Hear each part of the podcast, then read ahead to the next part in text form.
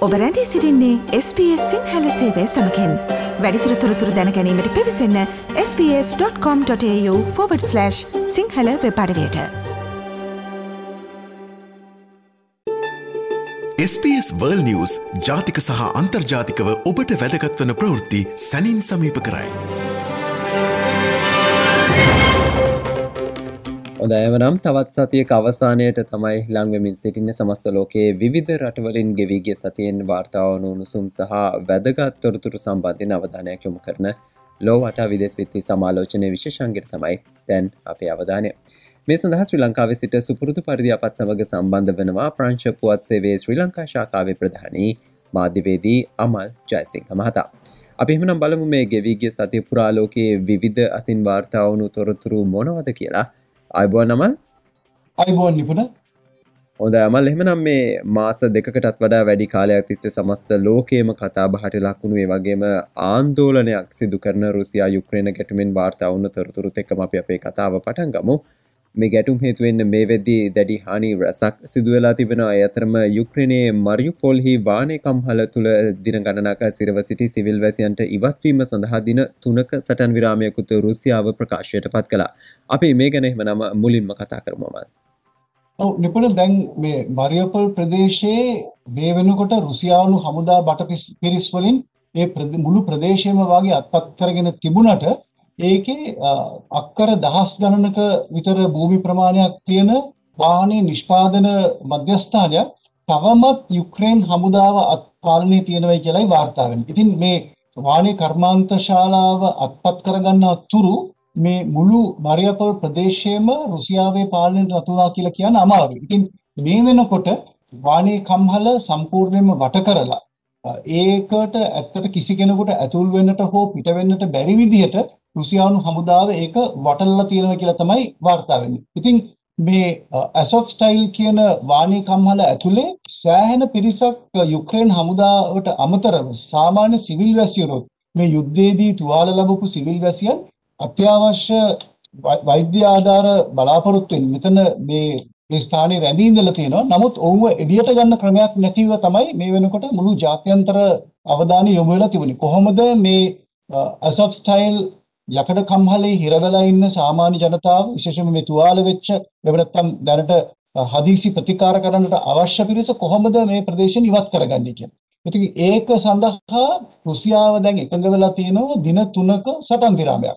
ඉතින් මේ සටන් විරාමය බ්‍රහස්පතින්දා ඉඳලා ක්‍රියාත්මක වෙන විදිහට ඔවුන් ඒකට ප්‍රකාශනපත් කරලා තියෙනවා දින 3ක් අසෆ් ස්ටයිල් කම්හලේ ඉන්න සාමාන්‍ය ජනතාවට ඉවත් වෙන්නට කැමතිනම් ඔවුන්ට යුක්‍රේනයේ හමුදා බලය තියෙන ප්‍රදේශවලට යන්නටත් එහෙම නැත්නම් රුසියාවට ඔවුන්ට ගමන් කරන්නට අවශ්‍ය නම් ඒ පහසුකම සලස්වනවයි කියලා රුසියාව දැන් පොරොන්දු වෙලා තියෙනවා. ඉතින් මේක එක්සත් ජාතීන්ගේ සංවිධානයේ මීට අවස්ථා කිහිපයකදීම සුළු සටන් විරාමයන් මේ ප්‍රදේශයේදී ලබාගෙන තිබුණා. ඒ අනුව මේ වෙනකොට 400ක් විතර වගේ පිරිසක් මේ ඇසොෆ් ස්ටයිල් කියන කම්හලෙන් ඉවත් කරගෙන තියෙනවා. ඉතින් ඒ ඒ පිරිසට අමතරව තවත් සෑහෙන පිරිසක් සංඛ්‍යාත්මක වශයෙන් අපිට හරියට නිශ්චිතව වාර්තා නොවුනට දැනට දෙපාර්ශ්වයම සඳහන් කරලා තියෙනවා කම්හල තුල ඉන්න පිරිස මොකද මේ කම්හල කියලා කියන්නේ පොඩි කම්හලක් නෙවෙයි මේක අක්කර දසදහස් ගණනක විශාල අති විශාල භූමි ප්‍රදේශයක් සහ මේකේ භූගත බංකර් වගේ දේවල් සෑහෙන සංකීර්ණයක් මේක ඇතුලේ පිහිටලා තියෙන නිසා විශාල පිරිසකට මේක ඇතුලේ ඉන්න පුළුවන් කියලා. ඉතින් ඒ පිරිස මුදා ගැනීමේ කටයුත්ත තමයි ඊයේ ආරම්භ වෙලා තියෙන්නේ. නමුත් ඒ කොතරම් දෙනෙක් මේ සටන් විරාමයේ පිළි අරගෙන එළියට එන්න උත්සාහ කරයිද කියන එක ප්‍රශ්නයක්. එක්සත් ජාතීන්ගේ සංවිධානයත් මේ වෙනකොට උත්සාහයක් අරගෙන තියෙනවා මේ කර්තව්‍ය පිළිබඳව මැදිහත් වීමක් වෙලා විශේෂයෙන්ම සාමාන්‍ය සිවිල් වැසියන්ට යම්කිසි රැකවරණයක් ආරක්ෂාවක් දෙන්න ඒ සඳහා එක්සත් ජාතීන්ගේ සංවිධානය ජාත්‍යන්තර රතු කුරසයත් සමග කිට්ටුව වැඩ කරනවා කියලත් වාර්තා වෙලා තියෙනවා. හොඳ මේ අතරතුරේදීම වාර්තා වෙනවා මේ වෙද්දී රුසියා තෙල් සඳහා තහනමක් යුරෝපය තුළ සිදු කරන්නත් යුරෝපා සංගමය කටයුතු කරනවා කියලා. මොකක්ද මේ අලුත්ම තත්ත්වය අමාර? ඔව් මෙතන නිපුණ දැන් රුසියාවේ විශාල ආදාය මාර්ගයක් වෙලා තියෙන්නේ ඔවුන්ගේ තියෙන තෙල් සහ ගෑස් යුරෝපය යුරෝපය අනිත් රටවල් වලට විකිණීම තුලින් ඉතින් දැනටමත් මේ ගෑස් සම්බන්ධයෙන් ලොකු අර්බුදකාරී තත්ත්වයක් මතුවලා තියෙනවා. මොකද රුසියාව කියනවා මේ ගෑස් වලට අ, ඔවුන්ගේ මුදල් ඒකකය වෙන රූබල් වලින් ගෙවන්නට ඕනේ කියලා. නමුත් යුරෝපේ රටවල් කියනවා ඒක කරන්නත් බෑ. ඒක යුරෝ වලින් පමණයි උන්ට ගෙවන්න පුළුවන් කියලා. ඉතින් මේක ලොකු මතභේදයට තුදුණු කාරණා බවට පත් වෙලා තියෙනවා. නමුත් තෙල් සම්බන්ධයෙන් යුරෝපයේ අනෙකුත් රටවල් බොහොම පහසුවෙන් සහ අඩු මිලට රුසියාවේ තෙල් ලබා ගැනීමට පුරුදු වෙලා තියෙනවා. නමුත් දැන් යුරෝපයේ පාර්ලිමේන්තුව යෝජනාවක් ගෙනල්ලා මේ වෙනකොට විවාද කරමින් ඉන්නවා ඉදිරියේදී රුසියාවෙන් තෙල් නොගෙන සිටීමට. ඇත්ත වශයෙන්ම කියනවා නම් රුසියාවේ තෙල් තහනමකට ලක් කිරීම සම්බන්ධයෙන් මේ වෙනකොට යුරෝපයේ පාර්ලිමේන්තු විවාදයක් ඇති වෙලා තියෙනවා. ඔවුන් තර්ක කරන්නේ රුසියාවෙන් තෙල් මිලදී ගැනීම තුලින් රුසියාවේ යුද යාන්ත්‍රණයට විශාල රුකුලක් ලැබෙනවා. යුද යාන්ත්‍රණයට මුදල් ලබා ගන්නේ තෙල් විකිණීම නිසාය. ඒ නිසා මේ යුක්‍රේනයේ ආක්‍රමණය වළක්වන්නට ඕන නම් ඒ- ඒක අඩපණ කරන්නට අවශ්‍ය නම් රුසියාව මුල්‍යමය වශයෙන් පීඩාවට පත් කරන්නට ඔවුන්ගේ තෙල් ලබා ගැනීම නතර කිරීම ඒක හොඳ පියවරක් හැටියට ඔවුන් හඳුන්වලා තියෙනවා. ඉතින් මේක එකපාරට නතර කරන්න නෙමෙයි යෝජනා කරලා තියෙන්නේ. අවුරුද්දක විතර වගේ කාලයක් තුලදී ක්‍රමක්‍රමයෙන් අ, රුසියාවෙන් මිලදී ගන්නා තෙල් අවම කළා අවසානයේදී මුළු යුරෝපයේ පුරාම රුසියානු තෙල් වලට තහනමක් පනවන්නට තමයි යෝජනා වෙලා තියෙන්නේ. ඉතින් ඒ පිළිබඳ කාරණාව දැනට අ, සාකච්ඡා වෙමින් පවතිනවා. ඒක දැන් විවාදයට ලක් වෙමින් තියෙනවා. ඒ ගැන අවසාන තීන්දුවක් අපිට මම හිතන්නේ අපිට ඊට අ, කෙටි කාලෙකින් අ, ලබා ගන්න පුළුවන් වෙයි. අ, ගෑස් සම්බන්ධයෙන් මේ වෙනකොට ගෑස් ලබා නොගැනීමට අ, විශේෂයෙන්ම ජර්මනිය වගේ රටවල් වලින් මේ වෙනකොට අ, එකඟතාවයක් පළ වෙලා තියෙනවා. මොකද යුරෝපයට විශේෂයෙන්ම සීත ඍතුව වෙලාවේදී ගෑස් අවශ්‍ය වෙනවා ඒ සාමාන්‍ය නිවෙස් වල පාවිච්චිය සඳහා. එය නොකර ඉන්නට මේ අවුරුද්දේ ගෑස් මිල ලෝක ලෝක වෙළඳපොළෙත් සෑහෙන දුරට මිල ඉහළ යන්නට හේතුවක් වෙලා තියෙනෙත් මේ රුසියානු ගෑස් වෙළඳපොළට හරියාකාරයෙන් නොපැමිණීම. ඔ මේ කරුණු අතරතුරේ රුසියා හමුදා න්‍යෂ්ටික බලය සහිත මිසයිල් අභ්‍යාසයක් සිදු කලා කියලත් මොස්කව් සඳහන් කරනවනේ තමයි. මෙතන මොස්කව් රජය කියන්නේ ව්ලාඩිමිර් පුටින් ජනාධිපතිවරයා ප්‍රකාශ කරලා තියෙන්නේ ඔහු ඔහු සතුව තියෙන න්‍යෂ්ටික අවි භාවිතය පිළිබඳ යම්කිසි අභ්‍යාසයක් කළයි කියලා. අ, විශේෂයෙන්ම දැනට නේටෝ සමාජිකත්වයේ තියෙන රටවල් ආසන්නයේ තියෙන රටවල් ඉලක්ක කරගෙන අ, යම්කිසි අවස්ථාවකදී න්‍යෂ්ටික යුද්ධයක් ඇති වුණොත් ඒකෙදි කොහොමද මේ තමන්ගේ තියෙන න්‍යෂ්ටික අවි පාවිච්චි කරන්න කියන ඒ අභ්‍යාසය ඇතර මේක පෙරහුරුවක් හැටියට අපිට දකින්න පුළුවන් පෙර සූදානම් වීමක් යම්කිසි විදියකින් අ, න්‍යෂ්ටික අවි පාවිච්චි කරන්න අ, අවශ්‍ය වුණොත් කොයි ආකාරයෙන්ද ඒක කරන්නේ කියන කාරණාව පිළිබඳ දැන් ඒ පෙරහුරු පෙරහුරුව පැවැත්වුවයි කියලා අ, රුසියාව ප්‍රකාශයට පත් කළා තියෙනවා මේකත් ඇත්තටම නේටෝ සමාජික රටවලටත් ඒ වගේම යුරෝපයේ අනෙකුත් රුසියාවේ අවට සිටින අනෙකුත් රටවල් වලටත් අනතුරු ඇඟවීමක් හැටියට තමයි බොහෝ දෙනෙක් මේ වෙලාවේ දකින්නේ. මොකද රුසියාව ප්‍රකාශ කළා තියෙනවා අවශ්‍ය වුණොත් මේ යුද්ධයට බාහිර පිරිස් අ, අත දැම්මොත් ඒ අවස්ථාවේදී න්‍යෂ්ටික ආවි පාවිච්චි කිරීම අ, පවා සලකා බලන්නට ඔවුන් සූදානම් වෙනවා කියන මේ යුද්ධ- මේ යුද්ධය දැනට ඇත්තටම රුසියාව මේක යුද්ධයක් හැටියට සලකන්නේ නැහැ. ඔවුන් මේක ස- සලකන්නේ අ, විශේෂ හමුදා මෙහෙයුමක් හැටියටයි. මේක යුද්ධයක් හැටියට ප්‍රකාශ කිරීමෙන් ඔවුන් වැළකී ඉඳලා තියෙනවා. නමුත් යම්කිසි විදියකට මේක යුද්ධයක් දක්වා ප්‍රවර්ධනය වුණොත් ඒ අවස්ථාවේදී ඔවුන් සතුව තියෙන න්‍යෂ්ටික අවි පාවිච්චි කිරීමට පැකිලෙන්නේ නැහැ කියන ඒ අනතුරු ඇගවීමත් රුසියාව මේ වෙනකොට කළා තියෙනවා. ඔද ඇමරිකාව පැත්තට හැරුණොත් මොස්කව් ආක්‍රමණයෙන් පස්සේ රුසියානු ජෙනරල්වරුන් කීප දෙනෙකු ඉලක්ක කර ගැනීම සඳහා ඇමරිකානු හමුදා බුද්ධි තොරතුරු ඔසේ යුක්‍රේන හමුදාවට උපකාර ලැබී තිබෙනවා කියලත් සඳහන් වෙනවා. මොකක්ද මේ සම්බන්ධයෙන් වාර්තා වෙනම.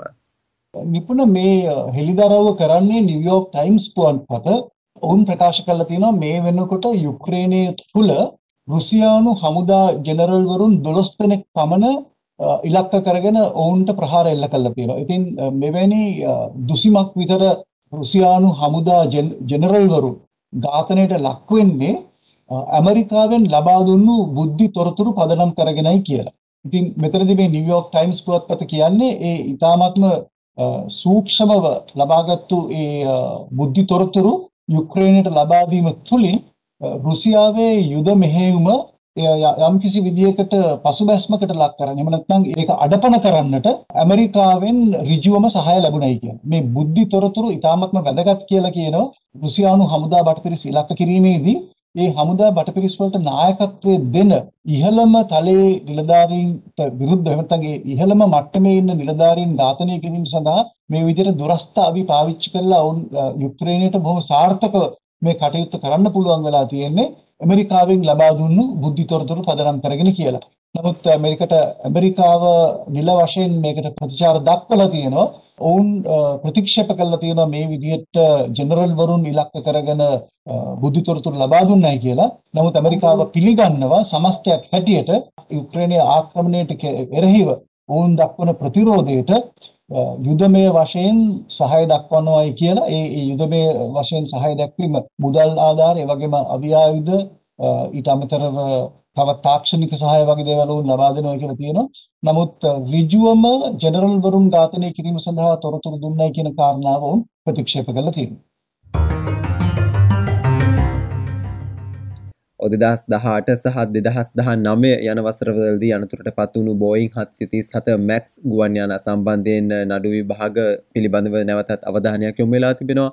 මෙහිදි බෝයින් හත්සිති සත ගුවන්යාන නිෂ්පාදකයා සහ ඇමරිකානු රජ අතර ඩොල බිලියන දෙකයි දශම පහක බේරුම් කරණයක් අවලංගු කරන ලෙස ටෙක්සාස් හි විනිසුරුවරයෙක් සඳහන් කලා කියලත් වාර්තා වෙනවා. ඉතින් අපි මේ ගැනත් කතා කරමවල් මේකත් ඇතරම ගුවන් ගමන් පැත්තෙන් බලපුහාම නිබුණ ඉතාමත්ම වැදගත් කාරණාවක් හැටියට මතුවෙනවා. මොකද අපි දන්නවා මේ බෝයිං සමාගමේ නිෂ්පාදනය කරපු මේ ගුවන් යානයේ ඒ නිෂ්පාදනය කිරීමේදී තිබිච්ච දෝෂ මේ ගුවන් යානය ගුවන්ගත කරන්නට සුදුසුද නැද්ද කියන කාරණාව පිළිබඳ. නිශ්චිත වශයෙන්ම මේකෙන් අනතුරු සිද්ධ වෙන්න පුළුවන් කියන කාරණාව දැන දැනම මේ ගුවන් යානා වෙළඳපොළට ඉදිරිපත් කළයි කියන චෝදනාව එක්තරා විදියකට බෝයින් සමාගම පිළි අරගෙන ඔවුන් මුලින්ම ඔවුන්ට ඔවුන්ට විරුද්ධව දාපු නඩුව බේරුම් කරන එකදී ඔවුන් ඒක අපි කියනවා නඩු මගට සම්පූර්ණයෙන් පිවිසෙන්නේ නැතිව නඩුව ගොඩින් බේරගන්න කටයුත්තකට යමු වුණා. ඒ අනුව ඒ අවස්ථාවේදී බෝයින් සමාගම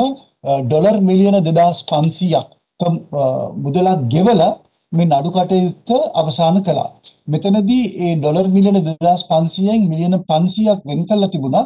මේ ගුවන් යානා අනතුරු වලින් ජීවිතක්ෂයට පත්වෙච්ච උදවියගේ පවුල් වලට මේ වන්දිය ලබා දෙන්න මිලියන 500ක් වෙන් කළා තිබුණා. ඒ එක්කම ඩොලර් මිලියන 1700ක් විතර වෙන් කළා තිබුණා මේ ගුවන් සමාගම් වලට ගෙවන්න. ඊට අමතරව ඇමරිකාවේ මේ නඩුව සමතයකට පත් කිරීම වෙනුවෙන් දඩයක් හැටියට ඩොලර් මිලියන 243ක මුදලක් ගෙවන්නටත් බෝයින් සමාගම එකඟ වෙලා තිබුණා. මේ අවස්ථාවේදී මේ ගුවන් අනතුරෙන් විපතටපත් වෙච්ච පුද්ගලයන්ගේ පවුල් මේ වෙනකොට මේ අලුත් නඩුවක් දාලා තියෙන්නේ. ඔවුන් කියන්නේ මේ විදිහට මේ නඩුව සමතයකටපත් කිරීම නිසා මේ ගුවන් යානාවල ගමන් කරලා ජීවිතක්ෂරපත් වෙච්ච උදවියට සම්බන්ධයෙන් හරි ආකාරයෙන් සාධාරණයක් ඉෂ්ට වුණේ නැහැ. මෙතනදී ඇත්තටම සාවද්‍ය මිනිමරුවක් සිද්ධ වුණා. ඒ පිළිබඳ උසාවියකට අදහසක් ප්‍රකාශ කරන්න අවස්ථාවක් ලබා දුන්නේ නැහැයි කියලා මේ බෝයින් සමාගම සහ ඇමරිකානු ආණ්ඩුව සමග ඇති කරගත්ත ඒ givisuma අවලංගු කරලා නැවතත් මේ පිළිබඳ සලකා බලන්න කියන කාරණාව තමයි මේ ටෙක්සස් අධිකරණයට ඉදිරිපත් කරලා තියෙන්නේ. ඉතින් බොහෝ විට මේ මේ නඩු කටයුතු ඉදිරියට යන්නේ හැකියාවක් තියෙනවා. එහෙම වුණොත් සමහර විට බෝයින් සමාගමට මේ ඩොලර් බිලියන 2500 නෙමෙයි ඊටත් වඩා වැඩි ගාණක් ගෙවන්න වෙන්නට පුළුවන් මේ විපතටපත් වෙච්ච උදවිගේ පවුල් වලට ඒ එක්කම ගුවන් සමාගම් වලටත් මීට වඩා වැඩි වන්දියක් ගෙවන්නටත් වෙයි. ඒවටත් අමතරව ගුවන් සමාගමේ මේකට වගකියව යුතු උසස් නිලධාරීන් බොහෝ විට සිරගත වීම දක්වා මේ කාරණාව දිග්ගැස්සෙන්න පුළුවන් කියන එක තමයි මේ නඩු නිමිත්තෙන් අපිට වාර්තා වෙන්නේ. ඔමේ සියලු දේවල් අතර ස්පාඥ අගමැතිවරයාගේ සහ ආරක්ෂක අමාතිවරයාගේ ජංගම දුරකතන ටැප් කිරීමක් සිදු කරලා යම් ආකාරයක දත්ත සොරා ගැනීමක් සිදු වෙලා තිබෙනවා කියලත් වාර්තා වෙනවා මේ ගැන එහෙමනම් අපි අවසාන වශයෙන්ම අවධානයක් යොමු කරමු බල.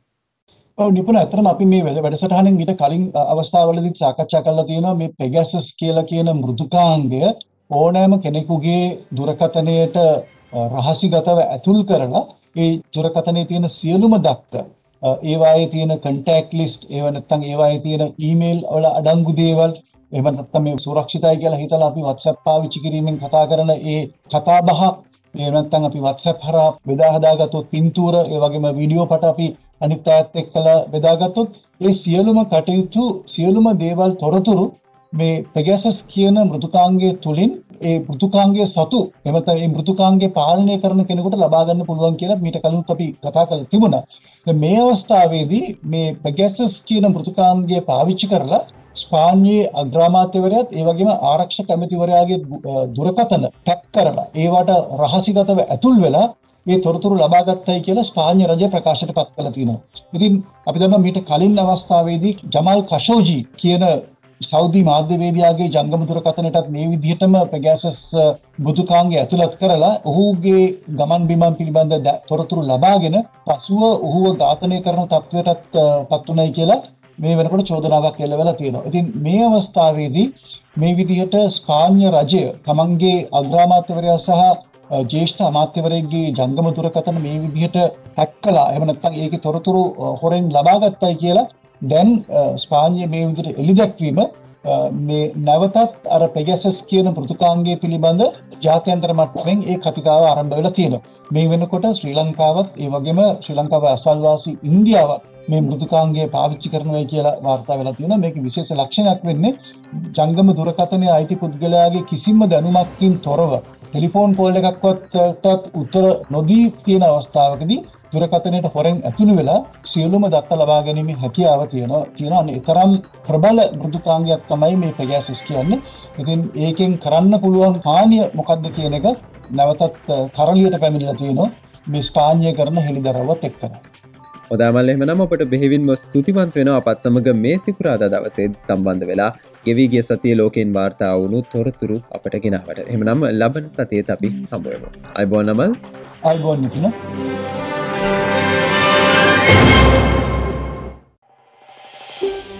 මේ වගේ තවත්තොරතුරු දැනගන්න කැමතිද. එහමනම් Apple podcast Google podcast Spotify ඔබගේ පොඩ්කාස්ට ලබාගන්න ඕනේම මාතයකින් අපට සවන්දය හැකේ.